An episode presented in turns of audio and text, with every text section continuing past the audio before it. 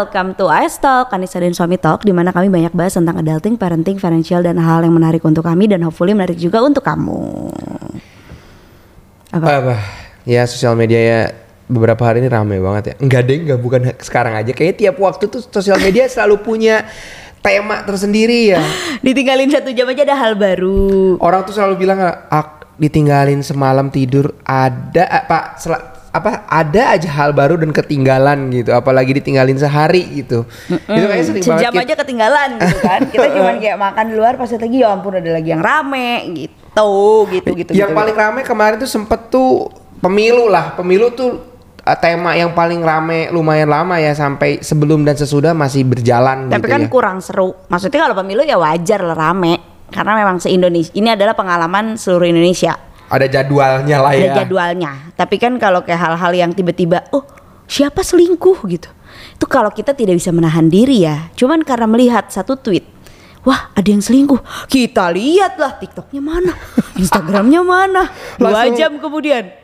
langsung ada tahu oh ada informasi baru bahkan ke- kenapa ya di Twitter ini tuh suka doxing doxing informasi ya Hmm. sampai si ini break si tweet awalnya tuh bener-bener nggak tahu itu siapa nggak bilang orangnya gitu. Tiba-tiba di tweet berikutnya Udah ada nama lengkap, nama lengkap rumah di mana. Iya menikahnya kapan gitu dan apa kejadian itu tahu banget gitu. Detail-detailnya ya Detail, karena ah. manusianya banyak sih ya. Jadi kita kayak be- menjadi detektif bersama-sama gitu kan. Jadinya aku kayak kadang-kadang aduh ini kenapa sih aku malah jadi mencari informasi? Aku tuh sering banget uninstall dulu twitternya gitu karena twitter itu biang kerok eh, biasanya orang ngeviralin pertama tuh di twitter gitu. Ada sih yang di tiktok ya tapi mau likely di Twitter dulu, habis itu baru ke TikTok, baru ada pendalaman-pendalaman lainnya gitu. Seperti eh, topik yang kemarin si kasus yang awalnya tuh dibilang bullying kan. Aku tuh ada yang nge-DM aku kak bahas dong gitu soal bullying anaknya. Ya kita udah tahu semua lah ya kita sebut aja ya. Anaknya Vincent Ropis bullying terus eh, bahas dong kak gitu. Terus aku kayak aku harus bahas apa? gitu videonya udah jelas sekolahnya di mana nama lengkapnya nama orang tuanya udah ada semua. Aku tuh mau bahas apa gitu. Bahkan ada apa yang dilakuin anak-anaknya itu apa aja udah ada yang nulis ya. Detail gitu detail kan. sih ini apa yang dilakuinnya apa iya sini udah ada apa info semuanya siapa lengkap. yang di DO siapa yang apa. Mau bahas apa lagi sih? Kita semua kayak sepakat deh kalau soal bullying gitu. Aku kayak enggak enggak akan aku bahas. Tinggal baca dari orang lain aja bakalan sama kok gitu pendapatnya kalau soal bullying mah. Sampai dari sekolah aja udah ngeluarin respon resminya sekolahnya ya bagus ya sekolahnya mas- menurut aku ya mereka tahu lah krisis manajemen ya Mm-mm. kayak biasanya tuh sekolah-sekolah kayak gitu tuh boro-boro ngeluarin pernyataan dilempar-lempar wartawannya walaupun sebenarnya di bawahnya ada tulisan internal use only Enggak enggak, si PR-nya juga udah Oh, bikin pernyataan. PR-nya di wawancara tuh bikin pernyataan bahwa iya benar, anaknya sudah kami proses, sedang dalam penelitian, sudah ada yang di drop out. Itu tuh udah ada dari PR-nya. Makanya Hmm. orang-orang kayak keren nih sekolah P- eh, PR krisisnya gitu. Dia tahu memang harus ngomong. Kalau kita menghindar-menghindar kayak ngapain gitu kan. tapi sebenarnya ngomongin tentang tentang kenakalan remaja ini bukan bagaimana uh, PR-nya bagus untuk uh, nge-manage sebuah krisis gitu tapi sebenarnya kalau untuk instansi sekolah bagaimana pencegahannya bagaimana hal ini tidak terjadi gitu tapi sebelum kita ngomongin ke situ kita ngomongin dulu kita deh kalau kamu nakal nggak gitu zaman dulu pas waktu SMA apa SMP kita ngomong nih SMA kali ya SMA lah ya biar SMA. seumuran Mm. ya. SMA sih kayaknya emang itu tuh culture sekolah juga ya kalau aku rasa ya. Senakal-nakalnya anak itu akan dipengaruhi sama yang pertama ya pasti orang tua lah, tapi yang berikutnya adalah sekolah kan. Hmm. Apakah di sekolah kamu misalnya ada yang mabok sampai di sekolah gitu? Kayaknya kalau kayak gitu pasti jadi ada satu culture tertentu yang bikin anak lain jadi nakal juga atau justru jadi menghindar segala macam. Kenapa aku bilang kayak gitu? Karena SMP aku tuh lumayan parah bullyingnya. Hmm. Jadi eh, ada satu lorong gitu di sekolah. SMP nih? SMP dulu. Oh, iya. Ada satu lorong di sekolah yang di lorong itu tuh biasa dipakai bully anak kelas 3 ke anak kelas 2 gitu ya. Pokoknya senior ngebully anak kelas bawahnya gitu. Oh, oke. Jadi bullyingnya tuh kencang banget dan guru-guru tuh paling cuman kayak bubarin gitu. Lagi dibully sama bu guru nggak dipanggil, nggak dihukum, nggak apa gitu, nggak kayak anak zaman sekarang ya. Jadi si bullyingnya tuh kencang banget. That way aku takut kan ya. Ba- Jadi bystander aja tuh takut loh ngeliat orang dibully itu gitu kan. Nah, aku jadi menghindar. Aku jadi kayak aku nggak boleh ada urusan sama anak kelas 3. Pokoknya aku jadi anak pendiam, bukan anak pendiam sih, anak yang bodoh amat lah detach gitu sama orang-orang luar. Aku nggak peduli jadi terkenal atau apa, pengen jadi anak populer gitu enggak, karena takut dibully. Karena kencang banget si bulinya. Cewek-cewek ngebully, cowok-cowok ngebully. Semua orang ngebully lah pokoknya intinya. Itu sekolah culture-nya begitu, nggak suka dikit bully suka dikit bully gitu. Nah pas aku SMA ternyata eh nggak gitu ya culture-nya di SMA ini di SMA ini tuh nggak bully. Berarti si culture ini diwariskan dari sebelum-sebelumnya Iya, gitu ya. Karena anak kelas 3 nya ngebully anak kelas 2 Pas dia jadi anak kelas 3 dia ngebully lagi gitu kan. Mhm. Nah makanya kenapa penting banget Untuk yang tadi kamu bilang pencegahan dari sekolah? Ya biar nggak turun-temurun. Sebenarnya gitu. Udah Mhm. pas pas aku SMA tuh nggak terlalu parah bulinya. Ya adalah anak-anak cowok berantem di kamar mandi apalah. Gara-gara apa gitu begitu pukul-pukulan. Ada ya pasti ada aja lah ya kayaknya ya. Mhm. tapi bukan culture bulinya. Jadi kita ke anak kelas 3 tuh kayak oh ya udah biasa aja. Kita nggak jadi takut yang aduh si tete itu tadi kenapa enggak ada kayak gitu? Makanya jadinya aku kayak lebih percaya diri untuk temenan sama banyak orang kayak temenan antar kelas waktu kelas waktu SMP tuh aku nggak berani Oh. karena kayak takut dikira apa gitu. Sementara kan kita ekstrovert banget ya orangnya. Jadi waktu SMA tuh senakal-nakalnya aku bolos sekolah aja enggak sih. Aku kalau nggak mau sekolah aku bilang ke ibu aku, "Bu, aku nggak mau sekolah." Oh, alasan aja lah misalnya, "Oh, enak badan apa?" Padahal memang nggak mood misalnya gitu ya. Ya udah tapi aku bilang ke ibu aku, aku nggak mau sekolah dan sama ibu Sampai aku kamu nggak bolos pun izin ya sama orang tua Iya, ya. karena Ah, ibu ah. aku kayak ya udah Ibu gitu. juga ngerti gitu ya. Iya, ibu aku kayak ibu aku lumayan menghandle aku kayak cukup baik ya pada saat remaja. Meskipun pada saat remajanya mah kitanya berantem ya sama ibu aku. Cuman Hmm. sebenarnya handlingnya lumayan sih. Yang sebandel-bandelnya aku tuh aku cuman bolos les doang. Wah, aku nggak Wah, sekolah. banget. Menurut kamu itu bandel banget. ya? Soalnya di sekolah tuh seru main. Pulang sekolah maksudnya. Enggak maksudnya pergi ke sekolah tuh meskipun pergi ada sekolah. part belajar, tapi kan ngobrol. Nah kan, kan bisa lakuin juga ketika di tempat les gitu yang mana kan lebih luas karena kamu ketemu sama anak-anak di luar sekolahan yang kamu Iya, tiap, tiap nah. hari laluin gitu kayak semacam refreshing lah kamu ketemu sama dari SMA SMA yang lain. Iya, tapi kan waktu itu kenapa aku bolos les lama banget sampai kayak setahun gitu dan itu Ah, ini bolos setahun bukan bolos kali kalau setahun.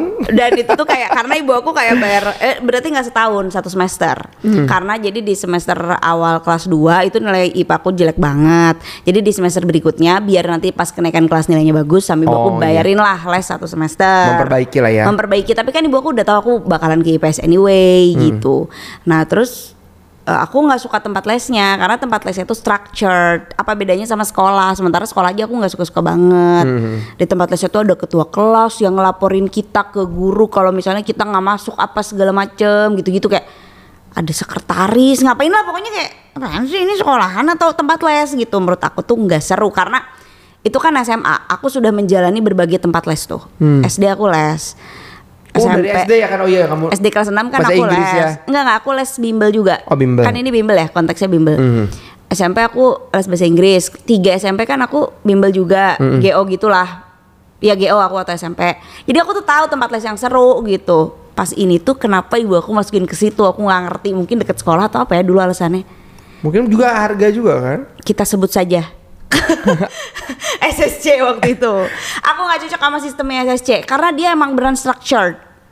Kalau GO tuh yang kayak seru banget sih. Gurunya tuh kayak teman kita Gak gitu. relate sih aku soalnya nggak ngerti tuh. Nggak ikut iya jadi kan kalau anak Bandung zaman dulu lesnya tuh kalau nggak GO SSC kan. Mm. Sony Sugema College. Iya. Oh, college kamu tuh Uh, uh, jadi aja college. memang belajar di Ah, dalam. ah, jadi kayak SMP udah GO seru banget ya SSC kok ini banget ya rapi banget terus aku bolos dan itu tuh karena itu tahun berapa sih belum ada handphone itu tuh belum ada cerita kalau kita nggak masuk di telepon ke rumah Mhm. ya udah pokoknya cuman kayak per tiga bulan apa dia ngasih report ke ibu aku bahwa berapa kali masuk terus aku kayak jarang masuk tapi aku nggak mau les ya udah berantem tapi ya nggak masuk lagi Hmm. tapi aku kayak prove it nilainya tetap jadi bagus Ada per- cuman aku nggak. Hmm. mau les aja gitu aku nggak suka tempat aku emang Jadi sebenarnya kamu tinggal belajar aja waktu itu nggak perlu les ya. Buktinya kamu nggak ikut les juga iya lebih baik ya. cuman kan ibu aku kayak ah karena kita serahkan saja pada bimbel gitu oh dan waktu itu ibu aku tuh sampai manggil juga satu guru fisika ke rumah Kenapa fisika? bodoh fokus? banget sih karena itu nilainya 4 apa 5 gitu di rapot Kamu nggak nggak ngerti atau nggak merhatiin? Eh, kamu tahu lah mungkinnya gurunya wali kelas negeri. aku terus kayak taking it for granted si gurunya tuh guru seru gitu loh Nah, iya. ya kan tau kan bukannya malah belajar Jadi tapi malah, kayak malah into ke keseruannya bukan ke belajarnya Iya, gitu. kayak eh udahlah wali kelas juga gitu-gitu. Manggil guru juga ibu aku ke rumah. Itu bener-bener ibu aku adalah momen-momen outsource pendidikanku ya. Ya karena memang kalau udah ngajarin sendiri juga kan susah ya fisika. Gak ngerti juga. Nggak ngerti sih matematikanya, mathnya juga udah mathnya bukan yang dasar gitu kayak udah ke to the next level lah ya. Pasti Ah. orang tua juga nggak ngerti karena ibu kamu juga kuliahnya bukan di jurusan itu ya. Nggak ngerti sih. Ya udah sisanya sih udah sih paling main-main dan ibu kan strict ya punya ja- jadwal ya sebenarnya nggak strict-strict amat sih kalau dibandingin ternyata strict parents lain ya. Pokoknya maghrib tuh harus udah di rumah. Jadi kayak boleh main tapi maghrib udah di rumah. Jadi aku Kayaknya kayak nggak strict deh zaman itu. Oke lah maghrib ya. di rumah tuh ya memang standarnya oke gitu ya, gitu. ha, cukup oke lah ya. Aku juga banyak yang pulang sekolah harus langsung pulang ya. Hmm. Ya kayak di kampung aku ya di rumah aku yang di ganggang itu pasti kalau maghrib tuh pulang ke rumah pasti kayak itu tuh bel untuk penanda kamu ya, kamu harus pulang gitu mau apa pun lagi seru-serunya main bola lagi seru-serunya main apa ya pulang gitu. Kalau pakai otak dewasa aku right now, kan aku pulang sekolah tuh setengah dua. Cukup lah ya main sampai jam 6 tuh aku tuh bisa nonton bioskop, bisa main, bisa main lah gitu, bisa nyoba-nyobain jajanan-jajanan di Bandung gitu ya. Tapi kenapa waktu dulu, waktu aku remaja, ada aja gitu pulangnya teh ngada-ngada aja gitu, setengah tujuh kan jam 6 nih eh, batasnya, setengah tujuh pulang itu kayak, aduh jam 6 masih di jalan gitu. Kan emang si otaknya menurut aku sih yang kayak belum nyampe gitu untuk manajemen waktu supaya jadi nggak berantem di rumah. Kan pada tinggal pulang jam 6 aja kan udah main 4 jam. Lah seminggu dua kali. Berarti ada ada tiga hari lagi buat aku main. Logikanya cukup dong logika orang dewasa ya tapi. Ya kan logika kamu yang sekarang memang lebih matang bisa ngelihat dari banyak sisi. Kalau zaman dulu kan lagi seru nih walaupun udah nggak seru kayaknya mencari keseruan lain gitu. Ya emang nggak tahu kayaknya nggak bisa manage aja deh. Bahwa kayak nggak bisa memperkirakan dari misalnya penonton di BIP gitu ya nggak bisa memperkirakan dari BIP ke rumah tuh berapa jam untuk bisa tepat waktu datang ke rumah. Kayaknya gitu deh. Blow in aja gitu ya rada blow on. Aku yakin kalau kamu pasti nggak nakal sih kamu kayak nggak pernah nakal seumur hidup kamu Iya sih aku aku tuh nggak pernah bolos SMP sama SMA nggak bolos. Kalau misalnya nggak masuk sekolah itu karena aku memang sakit sakit beneran kan sakit beneran. Malahan aku sakit pun aku sekolah. Hmm. Aku tuh pakai jaket. jaket. gitu. Aku tetap ke sekolah walaupun pusing, ah, pilek gitu. Aku tetap Hmm. sekolah gitu. Kalau nggak sekolah banget berarti aku udah nggak sekolah tuh bener-bener parah banget lah Hmm. aku sakitnya gitu. Bener-bener aku nggak bisa bangun. Gitu. Kalau misalnya nakal ya aku nggak nakal. Tapi aku menjadi saksi banyak kenakalan gitu. Hmm. Di SMP mana kebalikan dari kamu SMP aku tuh nggak ada bullying. Hmm. Cuma anak-anaknya nakalnya tuh bener-bener nakal banget gitu ya. Eh, kayak berantem ada gitu. G- ganggu-gangguin teman yang lainnya tuh kasar gitu. Tapi nggak ada bullying gitu. Sampai pernah ada guru mau berantem tuh sama murid waktu aku SMP. Tapi si anak SMP ini emang udah nggak naik berapa tahun jadi badannya gede Gede. banget. Jadi kelas 1 SMP sama aku kayaknya tuh dia harusnya satu SMA mungkin nggak naik tiga kali tiga tahun ya. ya atau nggak emang sekolahnya dulu lambat ya? Ah, ah, mungkin sekolahnya. Dan itu dia itu banget sih apa eh, preman banget ya. Dia eh, orang bukan orang Bandung juga dia dari Lampung kalau nggak salah. Terus ya dia hampir berantem sama. Itu tuh yang nakal-nakalnya gitu tapi nggak ada bullying ya. Terus aku menjadi saksi juga di ini kita ngomongin aku SMP di tahun sebelum tahun 2000 ya 99 ya. Aku ngeliat mereka pakai narkoba hmm. di sekolah. Hmm. narkobanya bukan nar kalau sekarang aku ngeliat itu bukan narkoba murah. Itu yang disedot pakai hidung tuh apa sih? Koken kayak koken aku nggak ngerti itu koken atau Dapat apa. dari mana gitu ya? dapatnya dari mana gitu aku nggak tahu. Dan aku tuh melihat mereka melakukannya. Aku nggak lapor ke guru aku nggak lapor ke siapa-siapa. Mereka pun nggak nggak bilang eh lu jangan bilang sama siapa-siapa ya kamu jangan bilang Enggak juga, Nggak mengancam, juga, nggak gitu, mengancam. mengancam karena mereka juga nggak ngerti sebenarnya apa yang mereka lakukan gitu kelihatannya kalau dipikir sekarang Makanya sih orang-orang yang pakai itu suka men- meniup hidungnya itu gitu di kelas gitu. Ya aku taunya mungkin lagi pilek aja, tapi one day aku beberapa kali gitu ke kamar mandi pingin pipis. Kamar mandinya kotor banget, bau banget. Jadi kalau aku mau pipis memang udah lagi nggak kuat sih. iya ha. Mereka lagi pakai. Iya tapi gurunya diem aja Guru nggak ada, karena kamar mandi itu ujung banget. Mereka pakai itu gitu kayak wow. Terus aku juga sering eh, lihat juga orang pakai putau di pinggir jalan. putau tuh kayak apa Putau tuh disuntikin gitu, jadi tangannya diikat oke biar kayak ur- uratnya keluar gitu. Terus Ah. mereka pakai disuntikin. Dan aku ngelihat itu di pinggir jalan melakukannya gitu, kayak terang-terangan terang-terangan banget, banget. ya. Itu tahun 99 lah ya, Ah. habis Karena reformasi. susah diviralin juga. itu. Iya. Tapi itu ternyata momen kebebasan sebebas-bebasnya sih itu. Ya karena waktu itu ekonomi apa bukan ekonomi secara Pemimpin tuh lagi nggak jelas. pemimpin lagi nggak jelas terus Aturan negaranya lagi baru. benar polisi juga mungkin lagi nggak fokus sama yang gitu fokus Iya. gimana menenangkan Stabilkan negara. menstabilkan negara karena setahu tahun setelah reformasi itu masih banyak demo Heeh. banyak banget demo gitu kan Eh, karena ka- eh, sekolah aku waktu itu deket kampus ma- mahasiswa banyak yang sholat di depan sekolah eh di depan jalan Uh-huh. ditutup tuh jalan Setiabudi Bandung ditutup mereka sholat berjamaah di situ ya masih terjadi kayak gitulah Eh, bapak aku kalau pergi ke pasar gitu kan bapak aku dulu buka warung makan apa jadi tukang belanja warung makan. Sebenarnya bukan dia yang jualan tapi ada warung bapak aku yang belanjain gitu. Pagi-pagi matanya merah banget. Kenapa merah banget? Kayaknya ini bekas eh, gas, air mata, kemarinnya gitu dan sakit banget pagi-pagi kayak gitu. Eh, dan teman aku yang pakai Narkoba. kokain itu ya sekarang tuh dia kayak diem nggak nggak ngerti otaknya nggak jalan bener-bener ngelam diem. Tapi hidup. masih hidup. Heeh. dia diem nggak ngerti nggak ngerespon apa-apa. Makan disuapin sama orang tuanya. Parah banget sih. Nggak meninggal nggak. Tapi diem. Ada fotonya di grup SMP nih kita baru ke rumahnya Nengok, dia uh-uh. nengok. Ya kurus banget. Padahal dia tuh kuat banget dulu ya sampai berantem sama siapa berani sama guru gitu ya. Anak SMP gitu. Sekarang dia diem gitu nggak nggak nggak keurus. Nah Brain itu damage ya.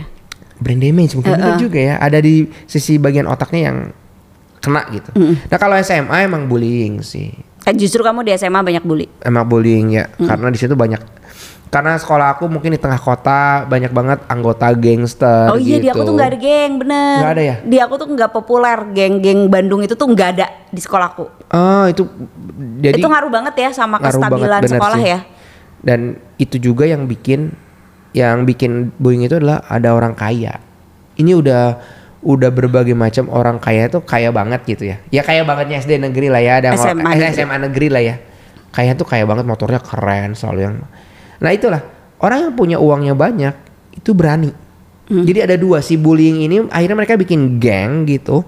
Di dalamnya tuh lah orang yang nggak terlalu kaya tapi mereka berani. Kayak mereka nothing tulus ya mungkin mereka di rumahnya nggak sama orang tuanya aku nggak tahu karena mereka sering nongkrong nongkrong terus pulang sekolah nongkrong. Kalau aku pulang dong ya ngapain nongkrong gitu ya. mereka eh, jadi orang yang berani tapi nggak punya resource nggak punya duit. Ada yang kurang berani tapi duitnya banyak. Oh jadi, mereka saling memodali. menguatkan memodali. Mereka saling menguatkan. Mabok di sekolah di kelas tuh ada. Bener-bener Oh, minum minuman keras di kelas ngerokok di kelas terus ya kalau jam jam sekolah ngerokok ya di dalam itulah di dalam kamar mandi gitu tapi kalau misalnya udah di luar sekolah kan sekolah sampai jam 12 doang ya ya mereka Kamu sekolah SMA sampai jam 12 doang? iya Aku sampai setengah dua loh. ini kalau kelas 1 aku sek- sekolahnya siang masuk setengah oh satu iya, kamu ada sekolah siang, aku sekolah pagi semua. nah setengah satu itu bareng SD aku Iya iya iya. jadi SMA dan SD bareng tuh Mm-mm. Terus kalau yang pagi ya sampai setengah satu. Udah pulang sekolah kan ada kelas-kelas yang kosong tuh. Hmm. Karena kelas satu nggak ngisi kelas satu SMA. Lah berarti ada kegiatan mengajar di kelas lain dong? Iya tapi kan kosong ada banyak kelas yang kosong. Nah mereka mabok di situ mabok. Ya aku ngeliat sih. Nggak bilang juga ngerokok gitu. Terus mereka ada yang berciuman di ujung gitu sampai bibirnya tuh tebel banget ciuman. Bayangin ciuman satu jam gitu kan. Cewek sama Anak SMA cowok, banget. anak SMA banget terus sampai bibirnya bengkak gitu. Wah, what are you doing dude gitu kalau sekarang satu jam berciuman gitu Di kelas. di kelas ya salah satu di antaranya ya akhirnya hamil setelah Hmm. SMA lulus dia. sekarang temen aku ada yang anaknya masuk kuliah ada juga temen yang kuliahnya Maksudnya teman SMA kamu yang anaknya udah kuliah gitu kan? udah udah mau selesai ada Iya, huh. ada teman SMP juga yang memang udah selesai kuliah karena mereka nikah pas waktu SMP gitu kalau keneka aku nggak nakal sih. Eh, nakalnya aku tuh paling terlambat pergi sekolah. Itu karena kamu udah merasa paling rebel. Wah paling rebel. Karena waktu itu aku ada temen yang lumayan kaya juga. Dia punya dikasih ada punya rumah. Di- jadi rumahnya terpisah dari rumah utamanya. Dia punya komputernya bagus banget orang tuh bilang oh ini komputernya gue ya gue abis apa kayak abis ngerakit gitu. Pakai GeForce apa aku nggak ngerti. Aku nggak ngerti komputer ya. Tapi kata teman-teman keren. Karena waktu itu main game yang terkuat dia bisa lakukan Nggak lemot gitu. Nggak lemot. jadi aku izin sama ibu aku juga mah aku mau pergi ke rumah temen aku. Jadi sekolah tuh setengah satu aku pergi dari rumah jam setengah sepuluh atau jam sepuluh. Main dulu. main dulu ke rumahnya dia untuk main. Kadang-kadang weekend main sama dia gitu di rumah dia. Dikasih makan juga sama ibunya ada minuman gitu enak banget lah gitu di rumah dia. Jadi aku ngerasa nyaman aja. Itu rebelnya aku sih. Oh terlambat kita ke sekolah gitu. Ya itu kan gak bisa manage waktu juga iya ya. bener-bener. Setengah satu masuk sekolah aku baru nyampe sekolah jam satu misalnya. Tapi masih boleh masuk. boleh masuk tapi nanti ada nyatet atau misalnya Oh ya, iya nyatet ya nyatet nyatet terus buku apa buku telat gitu ya. nah nyiram tanaman gitu atau apa bersih bersih sekolah baru masuk ke kelas gitu. Hmm. terlambatnya itu doang sih itu yang paling nakal. Jadi aku nggak nakal Hmm. jadi ketika sekarang ada yang lagi rame tuh anaknya Vincent Rompi sampai mukulin orang gitu ya itu aku aku ng- nge-recall waktu aku SMA ya itu ada Ngelihat orang ya. ngelihat orang yang yang kaya resource-nya banyak punya jabatan Tapi itu generalization, nggak bisa kamu bilang karena dia orang kaya karena sekolah-sekolah miskin aja jelas juga melakukannya. Jadi itu Maksud memang aku remaja aja. Yang melakukannya itu emang punya resource itu. Ada orang kaya, resource-nya banyak tapi nggak melakukan. Tapi yang melakukan waktu aku SMA itu yang orang yang punya itu. Ada sih yang kaya juga tapi tidak melakukan. Tapi yang melakukan juga yang duitnya banyak gitu. Nggak maksud aku nggak bisa bilang itu orang kaya jadi berani melakukan karena oh iya iya. karena anak-anak STM juga tawuran.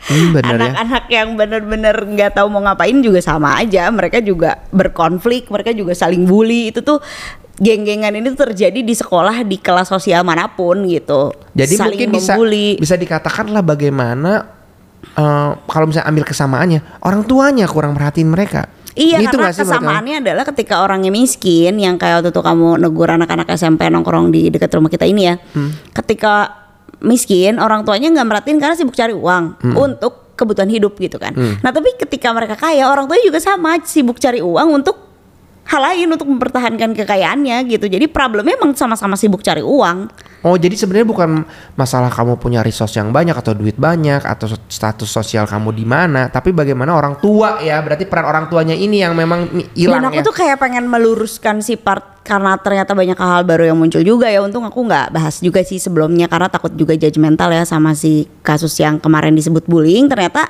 si ternyata kan bukan sih menurut aku kayak kurang tepat sih kalau disebut bullying gitu jadinya karena kan jatuhnya adalah dia pengen masuk gengnya terus ini kayak ospeknya gitulah ya kan untuk masuk si geng itu terus banyak kayak uh, kesaksian-kesaksian yang memang nggak bisa dibuktikan juga sih. Baru yang mana si anak ini juga ternyata baik-baik aja gitu. Dia tidak merasa terbuli karena dia merasa ini adalah the way aku masuk ke geng itu gitu. Ini adalah caraku masuk ke geng itu. Jadi aku terima aja diperlakukan demikian. Is it bully gitu? Menurut aku bukan. Makanya tadi topik awalnya adalah kenakalan remaja. Dua-duanya nakal gitu. Yang satu punya geng dan memperlakukan si anggota baru gengnya dengan kekerasan dan yang satu lagi juga merasa kan pasti kayak I, I wanna be to to I wanna be I wanna alah I wanna to be the part of the gang. Dan ini adalah hal yang harus aku lewati which kalau aku sudah masuk dan akan ada anggota baru dia juga akan melakukan hal yang sama masih anggota barunya gitu kan. Kayaknya kurang tepat kalau disebut bullying gitu. Kayaknya lebih cocok kenakalan remaja. Makanya aku tadi uh, browsing dari medicinet.com teenage rebellion itu katanya leading cause-nya itu justru konflik between parents sama teenagers. Jadi pasti ada konflik dulu antara orang tua dan anak remajanya. Jadi mereka rebel. Mereka merasa perlu uh, seeking validation attention seeking atau juga uh, struggle for acceptance. Mereka merasa perlu diterima nih. Oh aku perlu diterima di geng ini supaya di sekolah misalnya aku jadi cool kids gitu itu kan ada perasaan-perasaan yang mungkin tidak didapatkan dari rumah gitu Jadi orang tuanya juga nggak nggak memberikan dia apa kayak kepercayaan diri bahwa kamu tuh berharga, bahwa kamu tuh em, punya kelebihan yang berbeda dari yang lain. Mungkin ketika dia masuk pingin dapat masuk geng gitu jadi anggota geng, mungkin orang tuanya nggak pernah muji dia gitu secara usaha-usaha yang telah dia lakukan mungkin mungkin aja bisa terjadi gitu. Nah, di- jadi hanya dia nyari attention atau nyari validasi dari luar gitu. Iya dan itu tuh bikin dia merasa keren. Makanya kan orang-orang pada bilangnya sok keras lu semua gitu ya. Karena kayak Ah, iya. dia pingin ngerasa aku tuh keren loh aku tuh keras banget loh gitu. Aku tuh kuat loh diginiin gitu kan. Tapi memang kalau dari AACAP ya AACAP jadi ini American eh, pokoknya kayak Pediatric Association gitu emang otak teenagers itu kan emang beda ya. Itu yang harus dipahami dan diakui gitu kita tuh nggak bisa ngelihat nih anak tingginya udah sama kayak orang tuanya lalu berharap dia berperilaku sebagai orang dewasa gitu karena emang enggak karena eh, otaknya tuh masih berjalan dengan cara yang berbeda dengan adults dan juga berjalan dengan cara yang berbeda dengan anak-anak gitu. Mereka memang spesial. Jadi memang remaja itu adalah s- apa ya jenis yang berbeda lah jenis ya. yang berbeda gitu. Belum lagi dipengaruhi sama hormon juga kan. Itu sangat mempengaruhi bagaimana pada akhirnya mereka making decision dan solve problem. Making decision ini dari sesederhana pulang jam berapa ya biar nyampe rumah jam 6 itu kan making decision. Sampai solving the problem gitu. Oh aku pingin aku tidak merasa diterima di sekolah ini. Kalau aku mau merasa diterima maka aku harus masuk geng ini. Maka aku solve the problem dengan cara masuk geng ini gitu. Itu kan juga menurut kita orang dewasa mah naon sih gitu gak jelas. Tapi menurut mereka ini aku solving the problem loh aku punya masalah dan aku menyelesaikannya sendiri dengan otak mereka yang masih kurang itu ya. Aku udah janjian sih sama uh, Mbak Audrey untuk untuk bahas bagaimana sih otak ini memang bisa kurang. Itu tuh bukan sesuatu yang tidak literal ya. Apa volume otaknya memang kurang Nah terus actionnya remaja ini katanya guided more by the emotional and reactive amygdala and less by the thoughtful logical frontal cortex. Jadi emang belum logis, emang prefrontal cortexnya yang bantu mereka untuk mengambil keputusan itu belum sempurna. belum terdevelop sempurna sehingga emang belum bisa dipakai gitu. Makanya lebih ke impulsif dan emosional aja gitu. Dengan demikian uh, based on the stage of their brain development mereka tuh more likely untuk impulsif impulsif dong kayak mau apa nih? Ya udah lakuin sekarang gitu. Nggak nggak kepikiran efeknya. Kan dan juga disebutin bahwa ada pengaruh tentang amigdala. Amigdala tuh bagaimana kita uh, merasa cemas gitu khawatir. Jadi kekhawatiran itu memang dia harus cepat singkirkan gitu. Amigdalanya muncul oh aku nggak diterima ah, gimana? Masuk geng gitu impulsif. Jadi uh, kewaspadaan yang memang atau kecemasan yang terjadinya begitu tinggi juga ditutup dengan problem solving yang memang begitu impulsif dan tidak bijak karena prefrontal cortexnya tidak belum Belum terdevelop sempurna. makanya benar-benar harus diawasi ya remaja iya ya. sama gini sama tuh dulu aku pernah ada ya pokoknya waktu waktu awal-awal aku menjadi dewasa sepenuhnya gitu ya. Kayak misalnya umur 26 gitu. Hah? Aku tuh bisa mati ya? Ada kesadaran baru bahwa kayak oh aku tuh manusia loh aku juga bisa mati. Karena waktu remaja itu yang kepikiran itu orang lain doang Hmm. risiko-risiko itu hanya terjadi pada orang lain gitu yang hamil mah orang lain bukan aku misalnya gitu Ah, kan iya, iya. tapi kalau ketika udah Iya yang lain mah eh, yang narkoba mah orang lain bukan aku Hmm. gitu.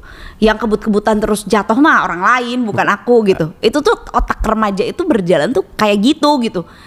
Risiko-risiko tuh hanya terjadi pada orang lain. Tuh kan bodoh banget sebenarnya tapi memang belum nyampe gitu otaknya. Makanya temen aku kalau misalnya misalnya suka bilang nih yang udah jadi orang tua, ah gua mah nggak berani kebut-kebutan, eh, inget anak. Sebenarnya bukan inget anaknya, tapi bagaimana kamu me- Mengaitkan. me- apa? Mengaitkan. Mengaitkan itu bahwa bisa aja terjadi sama diri aku gitu. Iya, benar. Beda lagi pas, ya anak SMA mah udah nggak punya anak, nggak punya keluarga, bukan. Enggak. Otaknya aja belum nyampe berarti eh, sebenarnya ya. Belum bisa untuk kepikiran ke sana.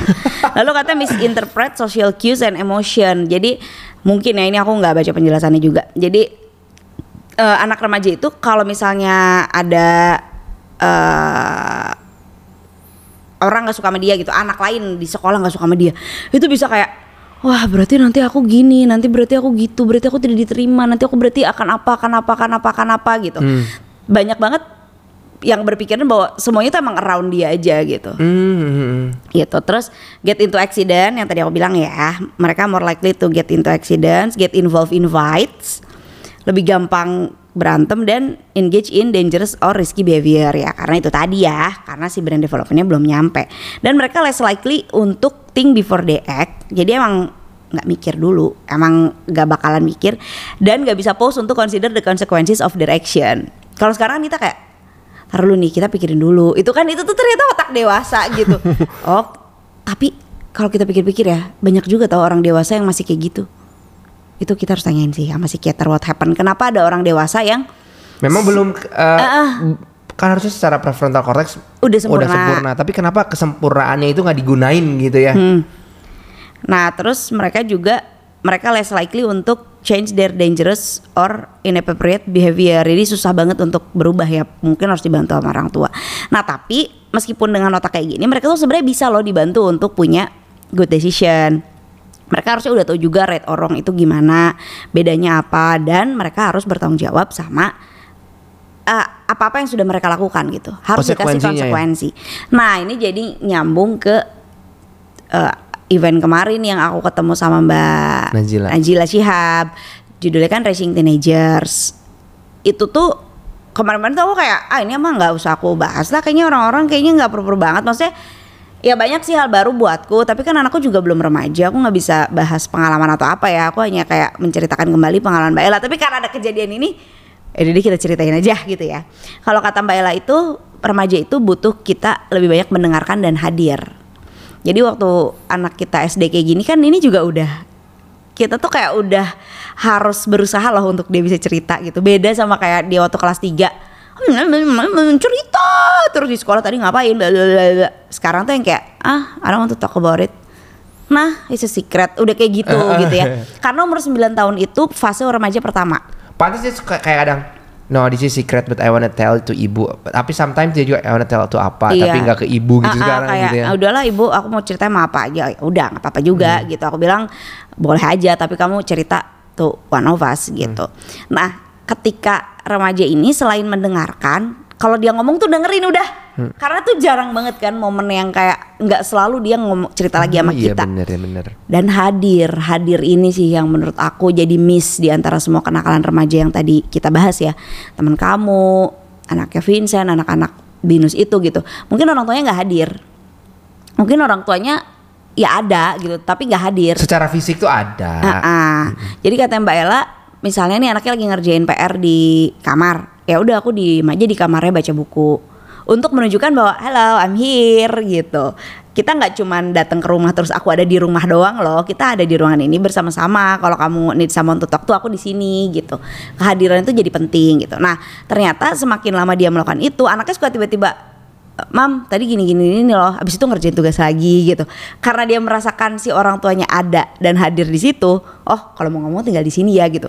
Nggak usah kayak ke ruangan lain dulu apa segala macam. Nah, itu sih kehadiran itu yang orang tuh kayak jarang lakukan gitu. Tapi sebenarnya nggak bisa juga tuh cuma hadir doang. Set anak kamu nggak pernah hadir dari masa kecil dia terus tiba-tiba udah gede Iya, hadir itu. iya, terus dia mau cerita betul. ya memang harus dibangun sih harus dibuild Dari dari, kecil, bawah. Pon- dari Ada pondasinya gitu. Uh-uh. Pondasinya kepercayaan, pondasinya bahwa ya ibu aku uh, mau mendengarkan aku gitu. Baru nanti pas udah gede akan lebih mudah ya. Bukan bukan berarti tidak bisa, tapi akan lebih sulit kalau udah masuk remaja. tiba-tiba mau hadir doang, tiba-tiba dia mau jadi kamar ngapain nih seumur hidup Ngapain juga nggak pernah gitu dari kan. kecil aja nggak pernah ada gitu tiba-tiba ada ya itu juga akan menjadi sebuah tantangan baru sih Ya.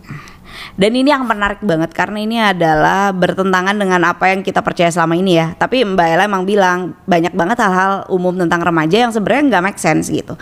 Jadi jangan overestimate kemampuan anak, nggak usah dikasih kebebasan penuh memilih dan memutuskan. Anak remaja itu sering banget bilang kayak don't you trust me mom?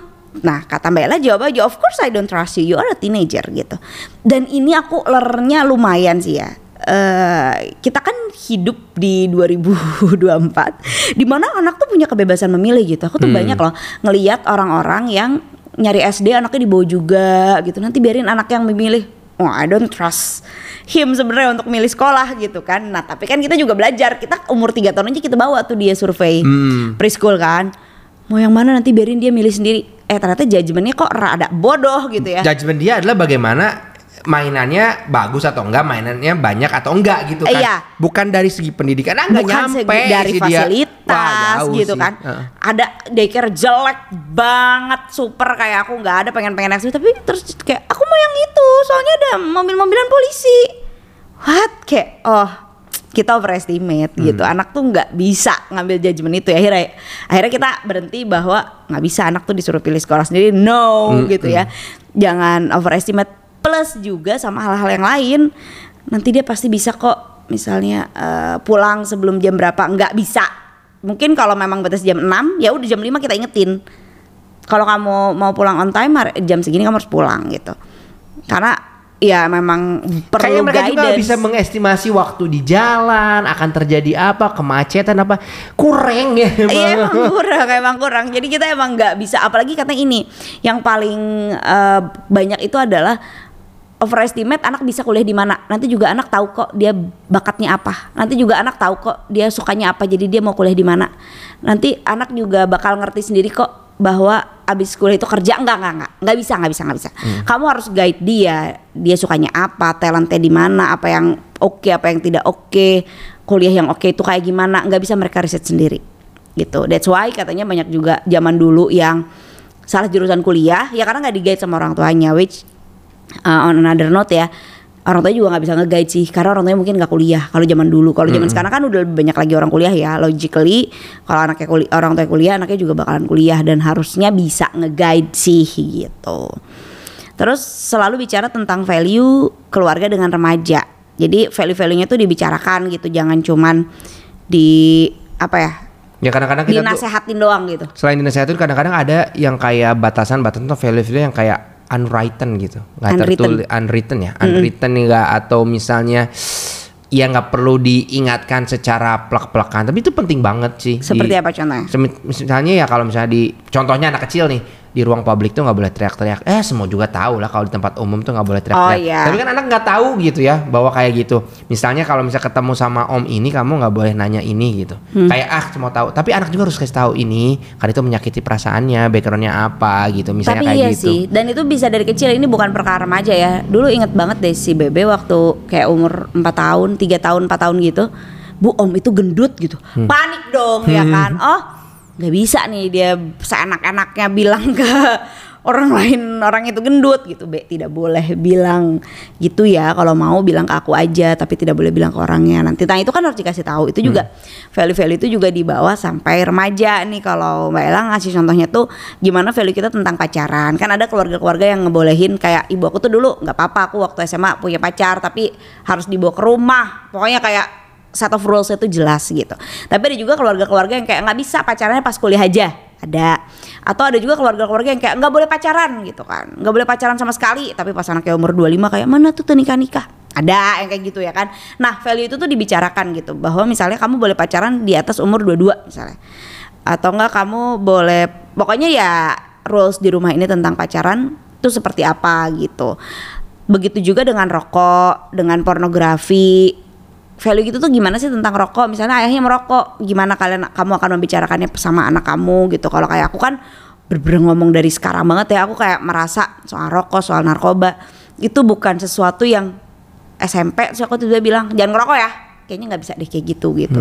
Makanya dari sekarang tuh bener-bener yang kayak kalau ada orang ngerokok aduh ini bahas lagi gitu rokok tuh gimana. Makanya dia lancar banget ngomongin tentang narkoba tentang rokok karena biar si value-nya tuh jelas gitu bahwa we cannot tolerate this one gitu. Dan aku senang banget juga itu kita punya value yang sama sama sekolah ya. Kayak memang rokok tuh kebahayanya apa sampai selalu bisa ngejelasin ke aku what is nikotin, tar tuh apa, tar tuh ternyata eh, nyerang untuk di paru-parunya, nikotin tuh tetap tentang adiktifnya gitu kan. Dia bisa ceritain sama aku, oh iya keren banget. Jadi juga eh, bisa melihatnya tuh bukan hanya jangan merokoknya aja gitu.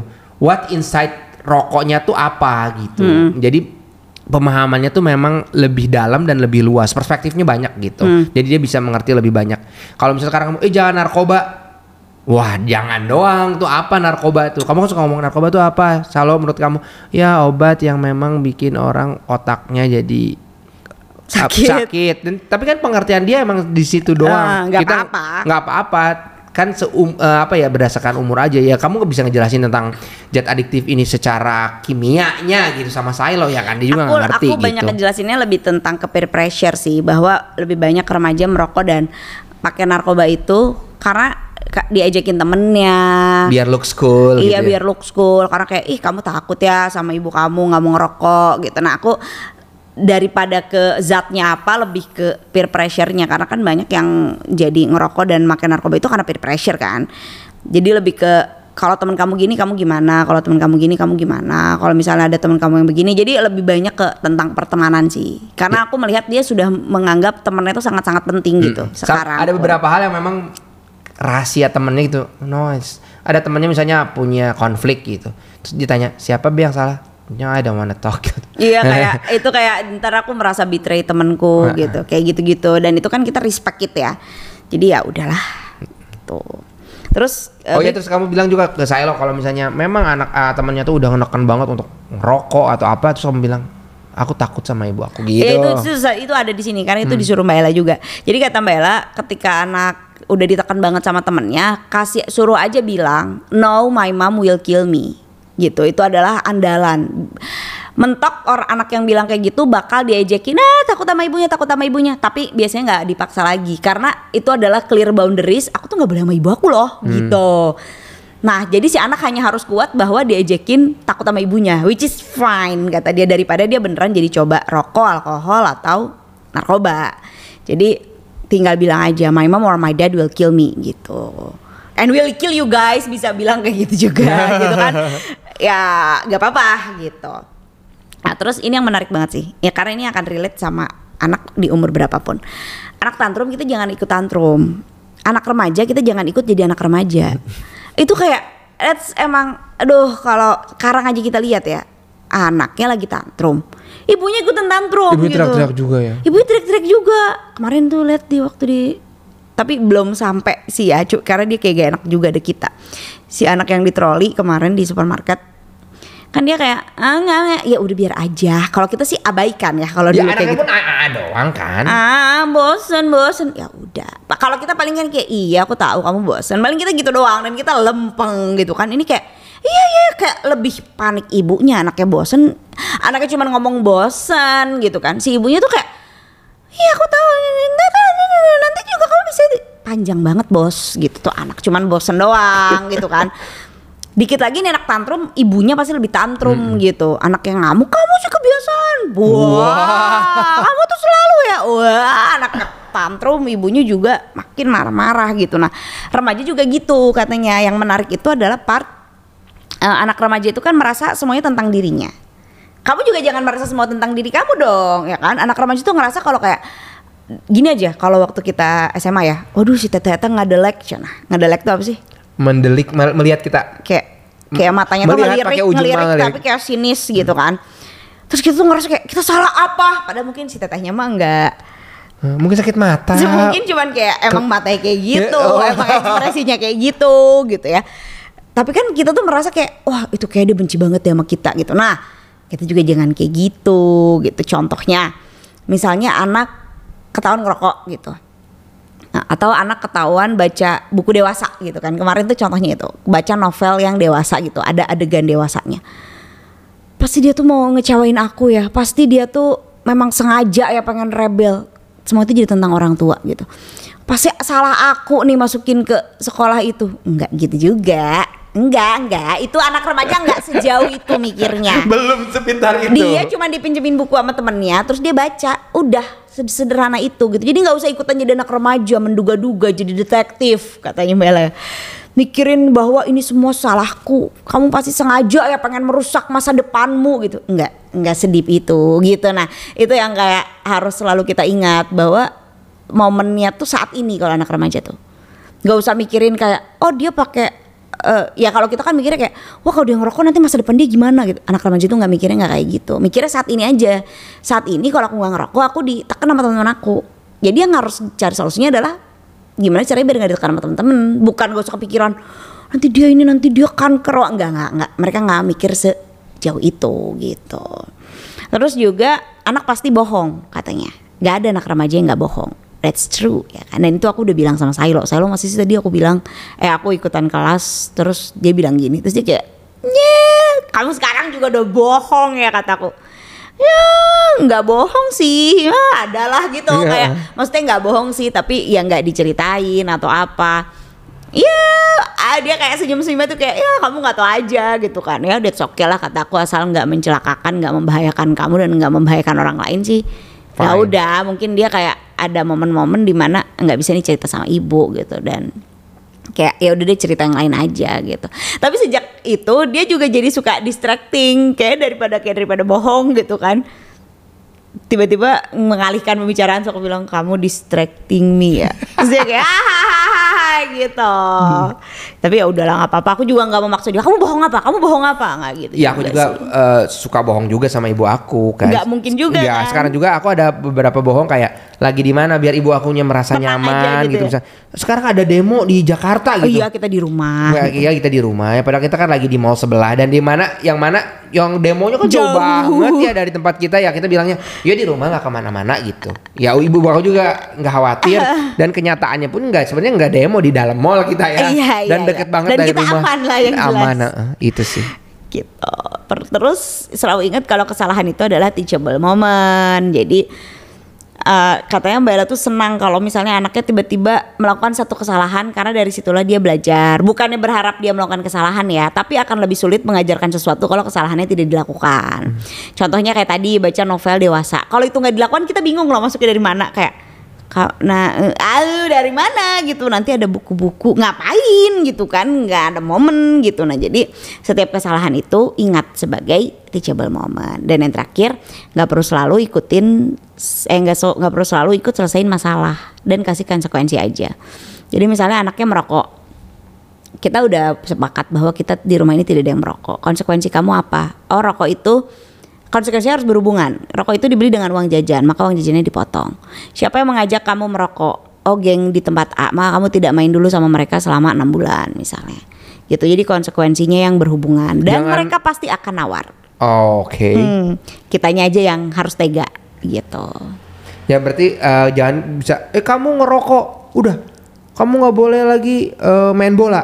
nggak ada, Nggak hubungannya, gitu ya. Karena itu misalnya dia karena dia suka main bola, gitu, jadi nggak boleh main bola, nggak ada hubungannya, kamu boleh. ngerokok. Wah, kamu udah nggak boleh main PS lagi setiap weekend. Itu kan nggak ada hubungannya, gitu. Oh, iya, bener. nggak boleh kayak gitu karena kayak anak juga nggak belajar gitu jadi itu bukan konsekuensi yang tepat lah terus katanya ulang selalu bilang I'm going to be here and I will always love you. Jadi aku juga sekarang I love you-nya dipakai no matter what. Jadi kayak I love you no matter what. Karena anak remaja itu perlu assurance gitu ya. Perlu eh, apa ya perasaan yakin bahwa mereka akan selalu dicintai gitu. Hmm, nyaman dan aman ya. iya. Merasa aman dan nyaman. anaknya Mbak Ella pasti bilangin kayak gitu what if I kill people? Gitu nanya gitu kan. I still love you no matter what. Si Bebe pas aku bilang gitu I love you no matter what. What if I go to jail? Wah emang mikirnya nih anak-anak remaja ini. Udah kayak aku bisa loh melakukan hal seburuk itu. Aku mau ngetes kamu kamu still love you nggak? Gitu. Ya aku tetap bilang I love you no matter what. Ya emang PR-nya begitu. Bagaimana mereka merasa bahwa apa pun yang terjadi mereka akan tetap dicintai gitu. Sampai dia nanya emang bisa ya uh, orang ke jail gitu untuk ngelihat gitu untuk Iya bi- terus dia nanya, tapi kalau aku going to jail ibu, kamu nggak bisa ketemu aku? Ya bisa lah kan bisa ditengokin be. Oh iya ya, aku tahu cina bisa ditengokin kan yang bisa ditelepon telepon itu pakai pakai telepon gitu kan kalau di film-film kayak di kartun-kartun gitu kan. Iya kayak gitu. Oke. Tapi if uh, if if my son go to jail, I will be so mad kata dia. Iya aku tahu kamu will be so mad, but you will still love him. Terus dia kayak, ya kali ya gitu. Iya kali ya. ya udah, gitu aja sih. Udah hampir 40 eh, hampir 50 menit. Uh, lama uga. Mm-mm. Semoga kalian uh, banyak mendapatkan hal-hal yang baik dari obrolan sekarang dan semoga kamu juga udah meningkatkan hubungan baik dengan anak lebih lebih baik dan lebih baik lagi. Kalau sekarang belum mulai, ayo dimulai. Sekarang udah mulai, ya kita bisa tingkatin lebih baik lagi. Karena nggak akan ada ruginya. Ini adalah investasi kamu di masa depan untuk bisa lebih deket sama anak. Hmm. Oke, Aku juga. aku ST. Bye.